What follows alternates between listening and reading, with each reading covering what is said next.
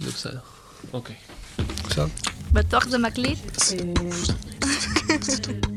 עכשיו אני אמור להציג את עצמי. רקורד, זה כבר סיפור אחר. טוב, אני מתחיל. היי, אני איריס אלתר ליברמן. אתם ואתן על רקורד. סיפורים ישראלים, לעיתים מורכבים, ישירות מאנשים שחוו אותם. חשוב שתדעו, בסיפור הבא יש התייחסות לשימוש בסמים ואלכוהול. בואו נתחיל. זוכרים שהייתם בבידוד בבית? בקורונה? זוכרים את השעמום? את התסכול?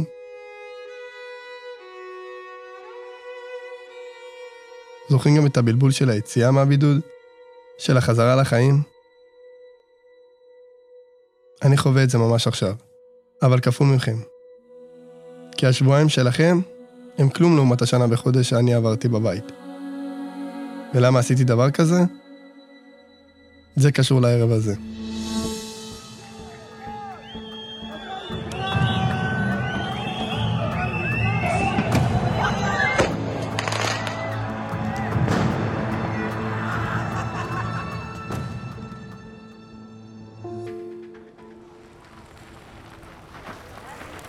נסעתי עם חבר על האופניים, בבני ברק.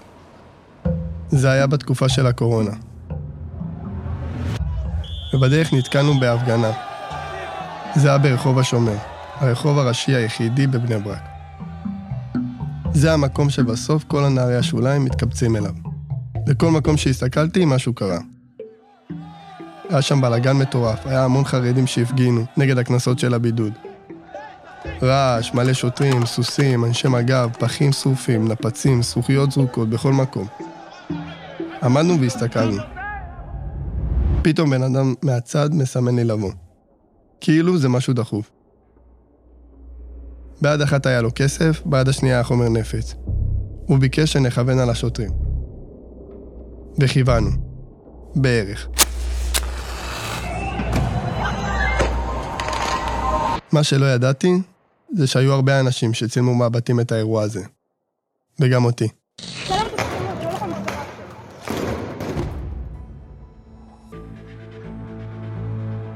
קמתי בבוקר, נסעתי לעבודה, היה לי איזה ועדת החלטה באותו יום. זאת אימא שלי. אני מדליקה את הרדיו ואני שומעת שמדברים על איזו הפגנה שהייתה יום קודם ושהיו נערים שהשתוללו והתפרעו, ואני אומרת לעצמי, אימא'לה, לא בדקתי שאחיה במיטה. כאילו זה עבר לי כזה בראש והמשכתי הלאה, כאילו זהו, לא שמתי לזה מקום. בבוקר של המחרת, בזמן שישנתי, בום. פורצים לי את הדלת, שוטרים עם נשקים מעירים אותי, שמים לי אזיקים על הידיים ועל הרגליים. ומוציאים אותי מהבית.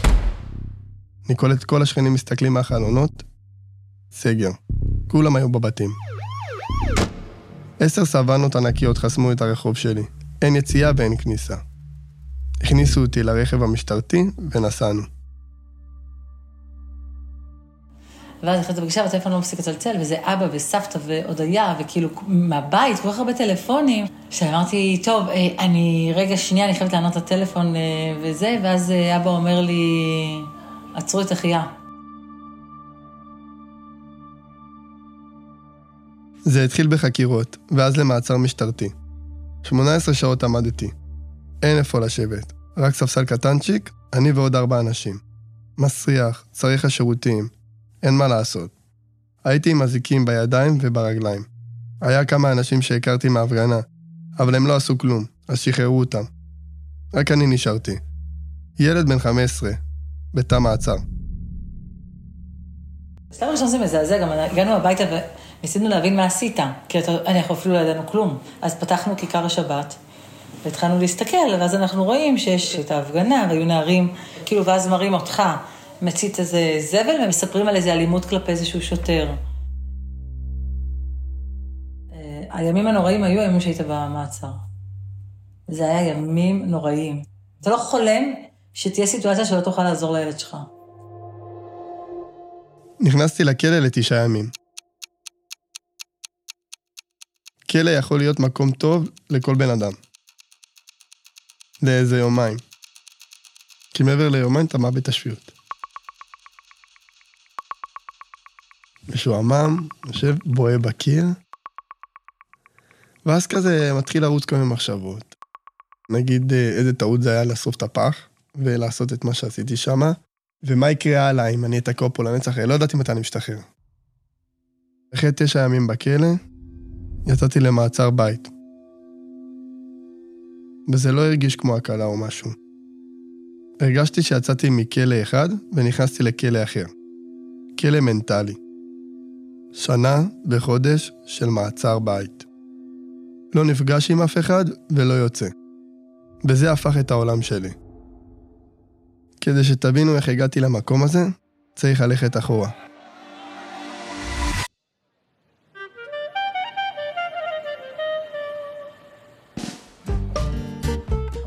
נולדתי בבני ברק, ילד שלישי מתוך שמונה.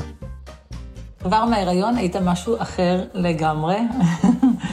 אתה לא הפסקת לזוז. כל הזמן בעטת, דאגת שאני יודע שאתה קיים.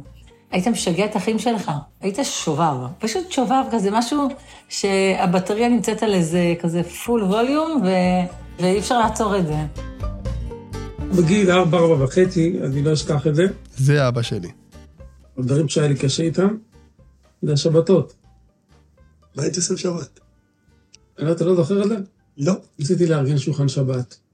קצת דברי תורה, עם קצת שירים, ואדון אחיה תמיד הפך את, את השולחן שבת. אם שרים, אז היית עושה רעש, היית משגע את השולחן. לא היית מסוגל לשבת ברגע רגע בשקט, לא שבת אחת, שבת אחרי שבת. היית משגע אותי. איבדתי את העשתונות כשהייתי איתך. ההורים שלי היו דתיים חילוניים כאלה, שאם אתה צריך להדליק את האור בשבת, תדליק, זה בסדר. אבל ככל שגדלתי, ככה הם התחזקו. וכשהייתי בכיתה ב', אני זוכר שפתאום בבום, הפכנו את אורך החיים שלנו. מכיפות סרוגות לחרדים. ההתנהגות השתנתה, הדיבור, הטלפונים, גידלנו פאות, ומהר מאוד עברתי ללמוד בתלמוד תורה. מה, זוכרת מהכניסה לעולם החרדי? האמת שאני לא זוכרת איזשהו מעבר דרמטי. כאילו, כנראה לך זה היה דרמטי, דרמטי. לך זה כנראה, אני יודעת את זה, כי אתה דיברת על זה בדיעבד, כאילו, אחרי שגדלת. אמרתי שגדלתי, אני לא כי זוכרת. דיברתי בתור ילד, לא ידעתי איך לה- להסביר את זה, כי חשבתי נכון. שזה הדרך של העולם. שבהתחלה מותר הכל, ואחר כך פתאום אסור כלום, כי אתה רוצה להגיע לגן עדן ולהיות הרב. איך קוראים לו? עובדיה יוסף. כן. שאתה אני שיגעת, אגיד לך אתה תראה עובדיה יוסף הבא וזה. אני באמת לא זוכרת שהיה לא טוב. אה, כיתה ב' היה לי סיוט. הרב עובדיה, הייתי מעריץ שלו. וואו, היה עם מור על הפנים, כולם היו מספרים לי סיפורים, כל מיני ניסים שהוא היה עושה, וזה... זה חלום שקורה, זה כמו סופרמן, רק בעולם החרדי. עכשיו, זה משהו שאתה יכול להיות. אתה יכול, אה, זה לא כמו סופרמן שאתה חייב, אה, לא יודע, שהעכביש שיעקוץ אותך תהיה ספיידרמן. זה משהו הגיוני, אתה פשוט צריך ללמוד הרבה תורה, וככה בסוף אתה תהיה רב. כי בתלמוד תורה, איך זה עובד?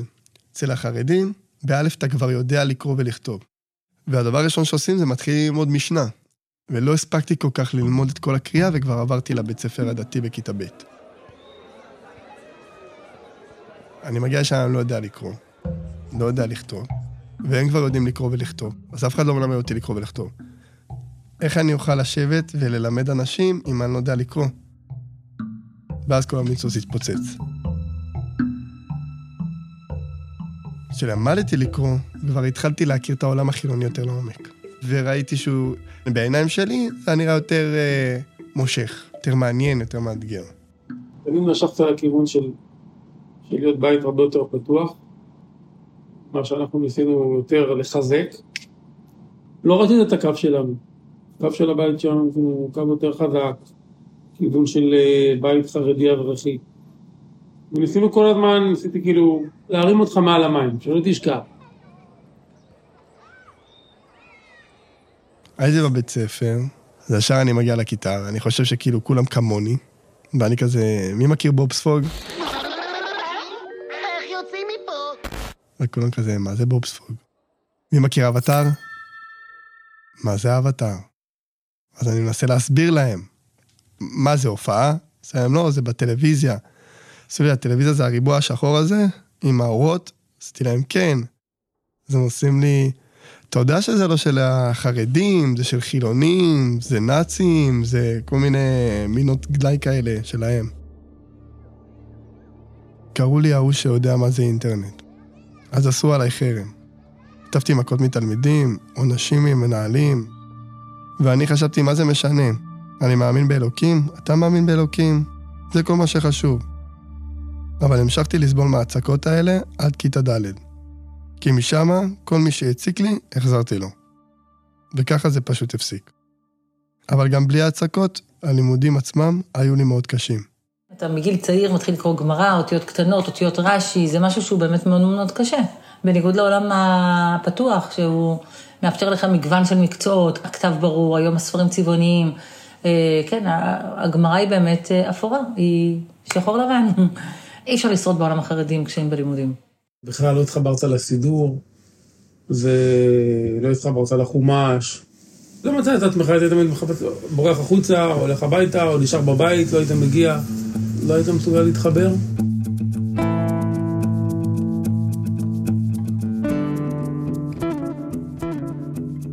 השנים בלימודים של התלמוד תורה עברו. זה מצחיק. אני הייתי באוטובוס, בדרך לבית, ואחד מהילדים, שגם היה מהילדים האלה שעשו עליי חרם, פתאום מתיישב לידי ומתחיל לדבר איתי. שאלתי, אתה מכיר שירים חילוניים, נכון? ואז הוא התחיל לתחקר אותי. התחלתי לספר לו, וסוף סוף אני מרגיש מישהו שמתחיל לדבר איתי, מתחיל להתקרב אליי, זה עשה לי טוב. ואז הוא שאלתי, אתה מכיר גם בורחבוד, שיר uh, ספציפי, ארטיק או מסטיק? עשיתי לו כן, הוא אמר לי, תשאיר אותו. אני מתחיל לשיר. והוא התלהב, והוא עשה לי, יו, אני חייב את השיר הזה. עשיתי לו, יש לך נגן? עשה לי כן. אתה תביא לי דיסק און קי, אני אוריד לך. ונחבר לו מתאם של uh, כרטיס זיכרון. שים בנגן, תשמע. אז ככה זה התחיל. התחלתי להוריד לו שירים. ככה התחלנו להתקרב. והורדתי לו עוד שיר, ועוד שיר, ועוד שיר. פתאום הוא מגיע אליי עם עוד אחד, ועוד אחד, ועוד אחד.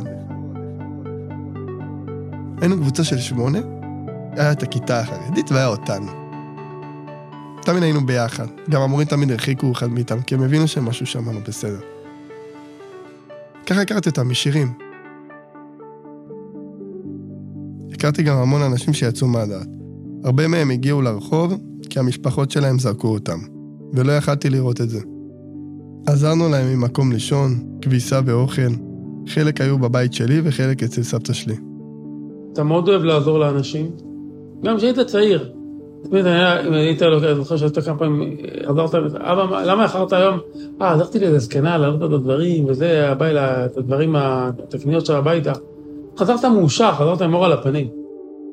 כאילו, ברור לי שעזרת להם. הבית פה היה המקלט של כולם, והבית פה היה... תמיד פה זה היה הפינה בסוף של מי שלא מוצא את הדרך חזרה הביתה, את מי שזרקו אותו מהבית וכולי. לא כל אחד מסוגל לעשות מה שאתה עשית. לקחת ילדה מהרחוב ולהרים אותה ולרומם אותה. כאילו, באמת דאגת לה, פתחת לה תיק ברווחה, ודאגת שיהיה לה פנימייה. בגיל 13 החלטתי לעזוב את התלמוד תורה וחזרתי למסגרות דתיות, ולא חרדיות. התחלתי להתרחק מהדת. עבורך, העולם החרדי היה קצת מצומצם. כאילו אתה מאוד ילד מאוד יצירתי, ואתה היית צריך הרבה מרחבים. כאילו גם בני ברק צפופה בשבילך, היא בנויה צפוף, אין פה גינות, אין פה מרחבים. אז שם כבר הייתה ירידה, אה, שהתחלת ללכת אה, צבעוני, ופחות אכפת לך ממצוות, פחות... אה, כאילו הרגשתי, ראיתי לאט לאט את הסימנים הדתיים יורדים, וראיתי, ראיתי אותך הולך ויורד והולך ויורד, היה לך קשה מאוד עם, ה... עם הכל. אני חושבת שהכאב הכי גדול זה המקום הזה שאתה מפחד שהילד שלך יאבד את העולם הבא שלו. זה משהו שכאילו רק בן אדם חרדי יכול להבין. מישהו אחר חילוני ינסה לדמיין את זה, אז הוא ינסה להגיד, רגע, אם אני נגיד נורא נורא אקדמי, אז אני רוצה שילד שלי גם ילך לאקדמיה, ובסוף, אם הוא יבחר ללכת להיות, אה, לא יודעת מה, מוכר בשוק, אז אני אהיה מאוכזב ממנו. אבל פה זה הרבה יותר מזה. כאילו, אתה מבין שאתה פה בתחנה בדרך בשביל העולם הבא, ואתה רוצה לפגוש את הילד שלך בעולם הבא, כי אתה אוהב אותו, אתה רוצה לראות אותו בנצח. אני חושבת שזה הדבר שלי אישית היה הכי קשה להתמודד איתו.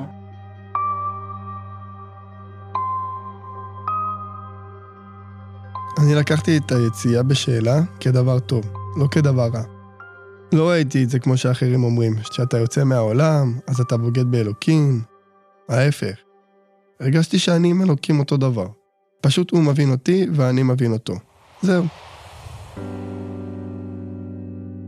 אני חושבת שכאילו לאט לאט למדנו שהדת היא הרבה יותר רחבה ממה שאנחנו חושבים, ואפשר לעבוד את השם באלף ואחת דרכים.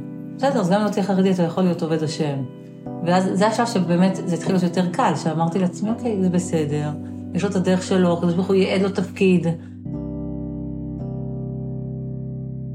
אבל החבל שנקרא יציאה בשאלה הוא חבל מאוד דק. כשאתה נכנס לעולם החילוני, זה מפתה לעשות את כל מה שהיה אסור. אסור ללכת עם חולצה צבעונית, אז אתה תלך עם חולצה צבעונית. אסור סמארטפון, תיקח סמארטפון. אסור אלכוהול, אתה תשתה הכל. אסור סמים, אתה תעשה סמים. ואז אתה פורץ את כל הגבולות שלך. בבית כל הזמן נלחמת עם כולם. בנתן שמעליך, באלה שמתחתיך, לכם באבא, לכם באימא, למשוך את הגבול. היינו חייבים גבול ואתה, בוא נחצה אותו. אתה אוהב לשבור את הגבולות. אתה לא אוהב גבולות בלשון המעטה. תכל'ס, בסוף אני לא מפסיק, אבל אני לא... אתה, אתה לא מפסיק להילחם, אתה מוכן להתאבד. היית הרבה ברחוב, לא אפשר לשמור עליך, כאילו יש ילדים שלא נותנים שישמרו עליהם, לא נתת לנו לשמור עליך. כל יום תכלס הייתי ברחוב. לא הייתי מגיע לשיעורים בבית ספר, הייתי מבריז, וככה הכרתי המון חברים. במפגשים של חברים, הייתי מכיר את כל מי שנמצא שם. אני בן אדם כזה, תשימו אותי במקום עשר דקות ואני כבר מדבר עם כולם. היינו מסתובבים ביחד, שותים, מעשנים, מעבירים את הזמן. יש לך גישה, סליחה, של מחבל מתאבד. זאת אומרת שאתה לא שם לעצמך ברקסים. בן אדם שלא שם לעצמו ברקסים, אז הוא ייקח את עצמו לקצה השני, ואוקיי, טוב, אז אני אעשה סיגריות, טוב, אז אני אהיה חילוני, טוב, אז אני אוריד את הכיפה, טוב, אז אני אוריד את הציצית, טוב, אז אני לא אתפלא. בסופו של דבר עשית את הכל לאט לאט. ירדת וירדת וירדת. וככה נמשכה שנה. הרבה בחוץ והרבה חברים. עד אותה הפגנה.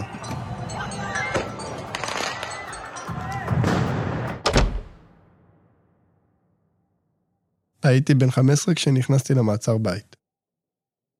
החיים שלי נעצרו. אין חברים, אין בחוץ. פתאום במעצר בית אה, מצאנו את עצמנו מאוד שומרים עליך, חזרת להיות התינוק שמה שלא עשינו כל החיים, פתאום אה, אפשרו לנו לשמור עליך. ממש שמחתי לצאת מהכלא, אבל לא ידעתי שאני נכנס לכלא מסוג אחר.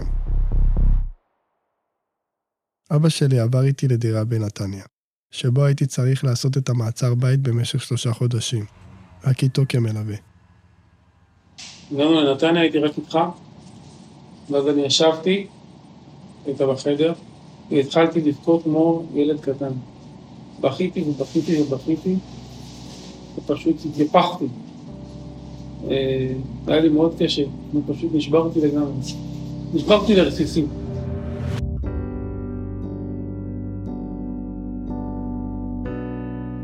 אני הרגשתי במעצר בית בעצמי, זה אני זוכר. היית צמוד אליי ככה 24-7. אבל זה סוג של קרב בינינו. נכון, מעצר בית מאוד קרוב בינינו, בסופו של דבר, מעצר בית, הדבר הכי טוב שקרה בו זה שהוא קירב אותי למשפחה. חוץ מזה, נכון, אני חושב שבתקופה הזאת התקרבנו מאוד.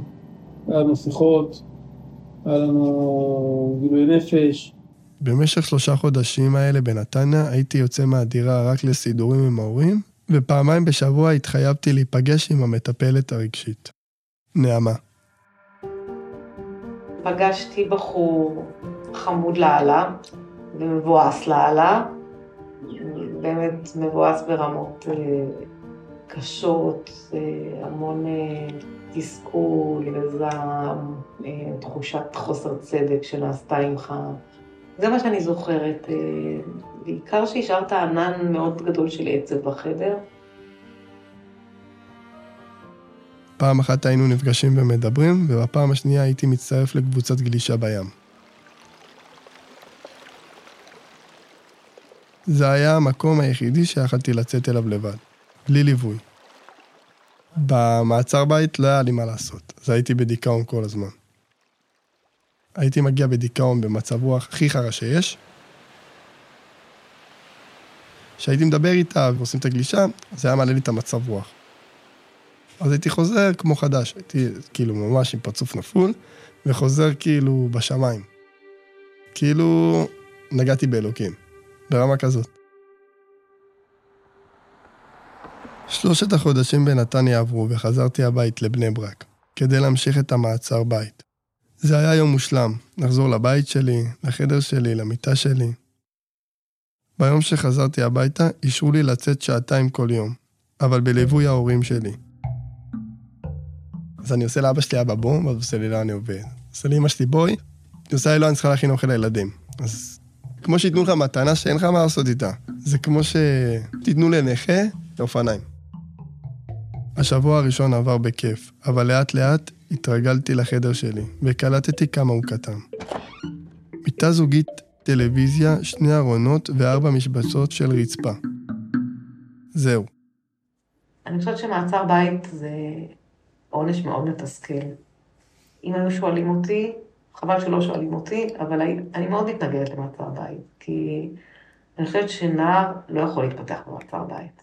לפעמים חשבתי שאני משתגע. כמו שלמדתי להכיר אותך, אתה ציפור דרור בנפש שלך, ופתאום אה, בא החוק ואומר לך שאתה לא יכול לצאת מהבית. אני חושבת שהרגש העיקרי שליווה אותך בתקופה הזאת זה שעמום, היה לך נורא משעמם. ו... והיה לך מאוד קשה למצוא את עצמך. לפעמים הייתי כל כך עצבני ומתוסכל, שהייתי מדבר אל הקיר, ורק חושב. יושב וחושב שעות.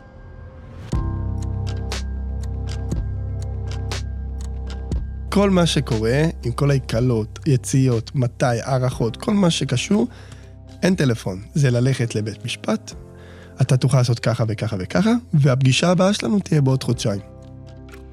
הגעתי לבית משפט והסכימו לי לצאת שעתיים לבד, מ-6 עד 8, אותו שעות של ההורים שלי, רק בלי ההורים.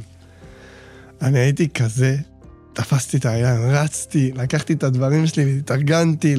שעתיים לפני שאני יכול לצאת, יושב מחוץ לבית, קרוב לדלת, שעתיים לפני, הולך מהסלון הלוך חזור, מתקשר חבר חבר, וכל חבר, אני יכול לצאת שעתיים, רוצה לצאת, וכל חבר, אני לא יכול, אני עובד. טוב, מתקשר לאהבה. אני לא יכול, אני זה. אני לא יכול, זה היה כאילו, הייתי בשיא ההתלהבות, וכולם אומרים לי שהם לא יכולים. איך שהיה השעה שש, תפסתי את האופניים שלי, פול גז ל- לים, כי זה המקום שאני הכי אוהב, המקום השקט הרגוע שלי. פשוט נסעתי מהר לים, ישבתי שם בחוף, עשיתי שחייה קצרה, וזה היה חורף. היה קפוא במים. כולי משקשק בפנים, אבל נכנסתי למים, יצאתי, אני יושב בחוף עם סיגריה, בסוכת מצי למעלה, ככה יושב, מסתכל, בסטלבט שלי, עד שכבר ממש היה לי קר והלכתי. זה היה יום ראשון. וכל יום הייתי נוסע, גם בגשם, היה לי ימים, היו רד גשם, הייתי נוסע בגשם עד היום. זה כמו כלב שיש לו רצועה ברחוב, נכון? איך שאתה משחררת לו, הוא ישר ידפוק ספרינט קטן להרגיש שאני משוחרר. אותו דבר, אני מגיע לים, אני מרגיש שחרור.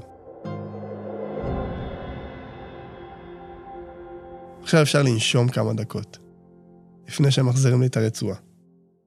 בעיניי מדהים ומרשים שבחור בן 16 וחצי היית יכול להיות עם עצמו, בלי חומרים אה, פסיכואקטיביים שמשנים את המצב רוח, והגלים, והים, ואלוהים, מתחבר לעצמו. בים גם הגיעו הרבה שאלות. מי אני? מה אני? אני לא חרדי, אבל אני גם לא חילוני. למה אלוהים עשה לי את זה? לפעמים לכעוס עליו, לפעמים לא להאמין בו, כן להאמין בו. בים הצלחתי לחשוב קצת נקי, אבל רוב הזמן הייתי במערבולת. ואת כל המערבולת הזאת חוויתי בין ארבע קירות. רציתי לשבור אותם, רציתי לסיים כבר את המעצר בית הזה. אבל לא ידעתי שגם זה יהיה שלב לא קל. זה התחיל מדיונים לקראת השחרור שלי, והשחרור לא הגיע. כל פעם האריכו אותו בעוד חודש, ועוד חודש, ועוד חודש. כגודל הציפייה, כך גודל האכזבה. כי כל כך ציפית וציפית וציפית כבר שיסירו ממך את המעצר, בכל דיון הציפייה הלכה וגדלה. יושב באוטו עם האוזניות שלי, שירים, מבת ים, בית משפט שמה, עד לבית שלי, זה 40 דקות, לפעמים גם שעה אם יש פקקים. אני זוכר, הייתי במושב האחורי, אני לא אוהב שאנשים רואים אותי בוכה, גם לא את ההורים, גם לא חברים, אף אחד לא רואה אותי בוכה. התכנסתי לתוך עצמי, שמתי על עצמי את הקפוצ'ון, שמתי על עצמי כזאת ציצית שהייתה שמה, והתחלתי לבכות כמו ילד. מאז שנכנסתי לאוטו, עד שהגעתי לבית, לא מפסיק לבכות.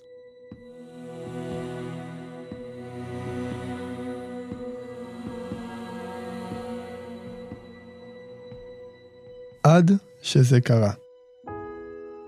אחרי שנה וחודש בבית, אני חופשי. אני משוחרר. זהו.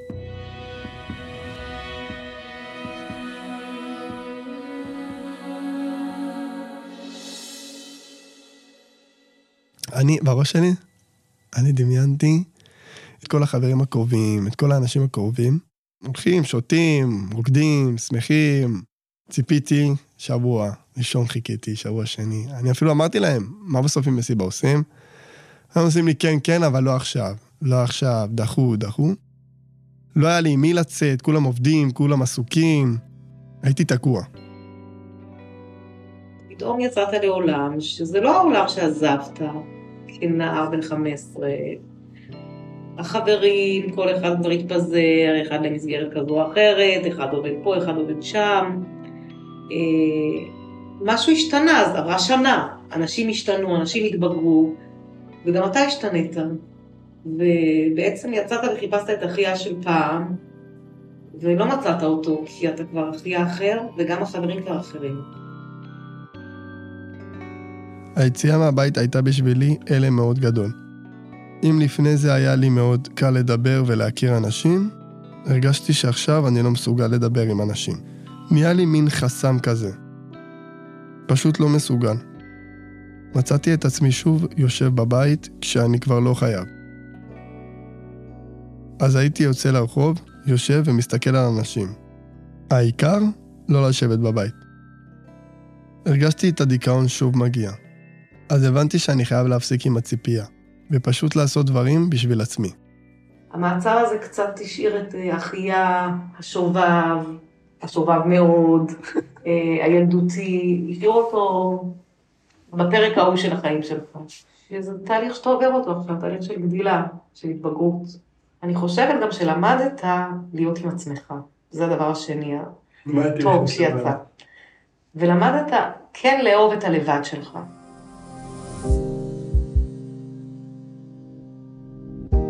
אחד הדברים הכי חשובים שהבנתי אחרי המעצר בית, זה שהחיים הם לא רק שחור או לבן. לא חייב לחיות מקיצון לקיצון, יש כל כך הרבה באמצע. לאט לאט התחלתי לצאת שוב. הכרתי חברים, הפסקתי לחשוב מה אחרים חושבים עליי. למדתי לאהוב את עצמי. אני מרגיש שהסביבה מגיבה לזה.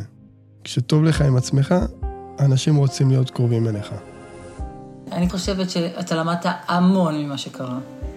ו- ואתה נמצא היום במקום אחר לגמרי, ואתה מבין הרבה דברים שלא הבנת לפני זה, גם התבגרת, בוא. הקביעות שעשו לך בכלא ובמעצר בית, זה כאילו, זה סימן התראה מאוד מאוד חזק, אני מקווה שלא תשכח את זה, ושזה ייתן לך ברקסים להמשך החיים. ואמרתי, טוב, לא יצא ממך כלום. הרבה פעמים עבר לי המשפט הזה, לא יצא כלום מהלימודים שלו. כלומר, לא שלא יצא, מהלימודים שלך. בעצם זה שאתה עובד, ואתה לומד, ועברת בית ספר, ואתה עושה היום בגרויות, ואתה מוצא ציונים טובים. אני מאוד גאה בך. לכולם יש גבולות בחיים. אני את שלי תמיד רציתי לשבור. פרצתי את כל הגבולות שהכרתי, ומצאתי את עצמי שוב סגור. אבל איפשהו, בין החנק של הקירות לים הפתוח והאינסופי, מצאתי איזה שקט. ואולי גם את עצמי.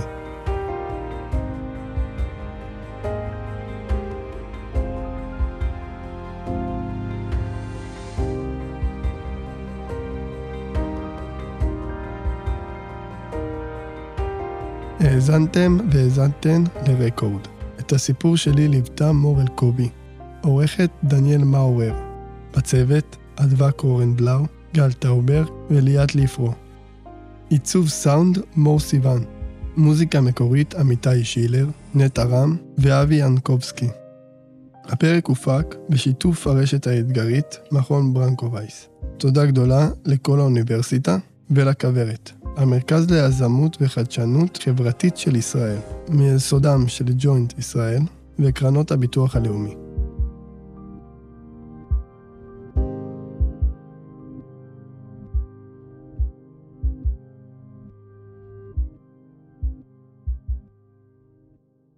אז זהו, זה עבר יותר מהר ממה שחשבתי.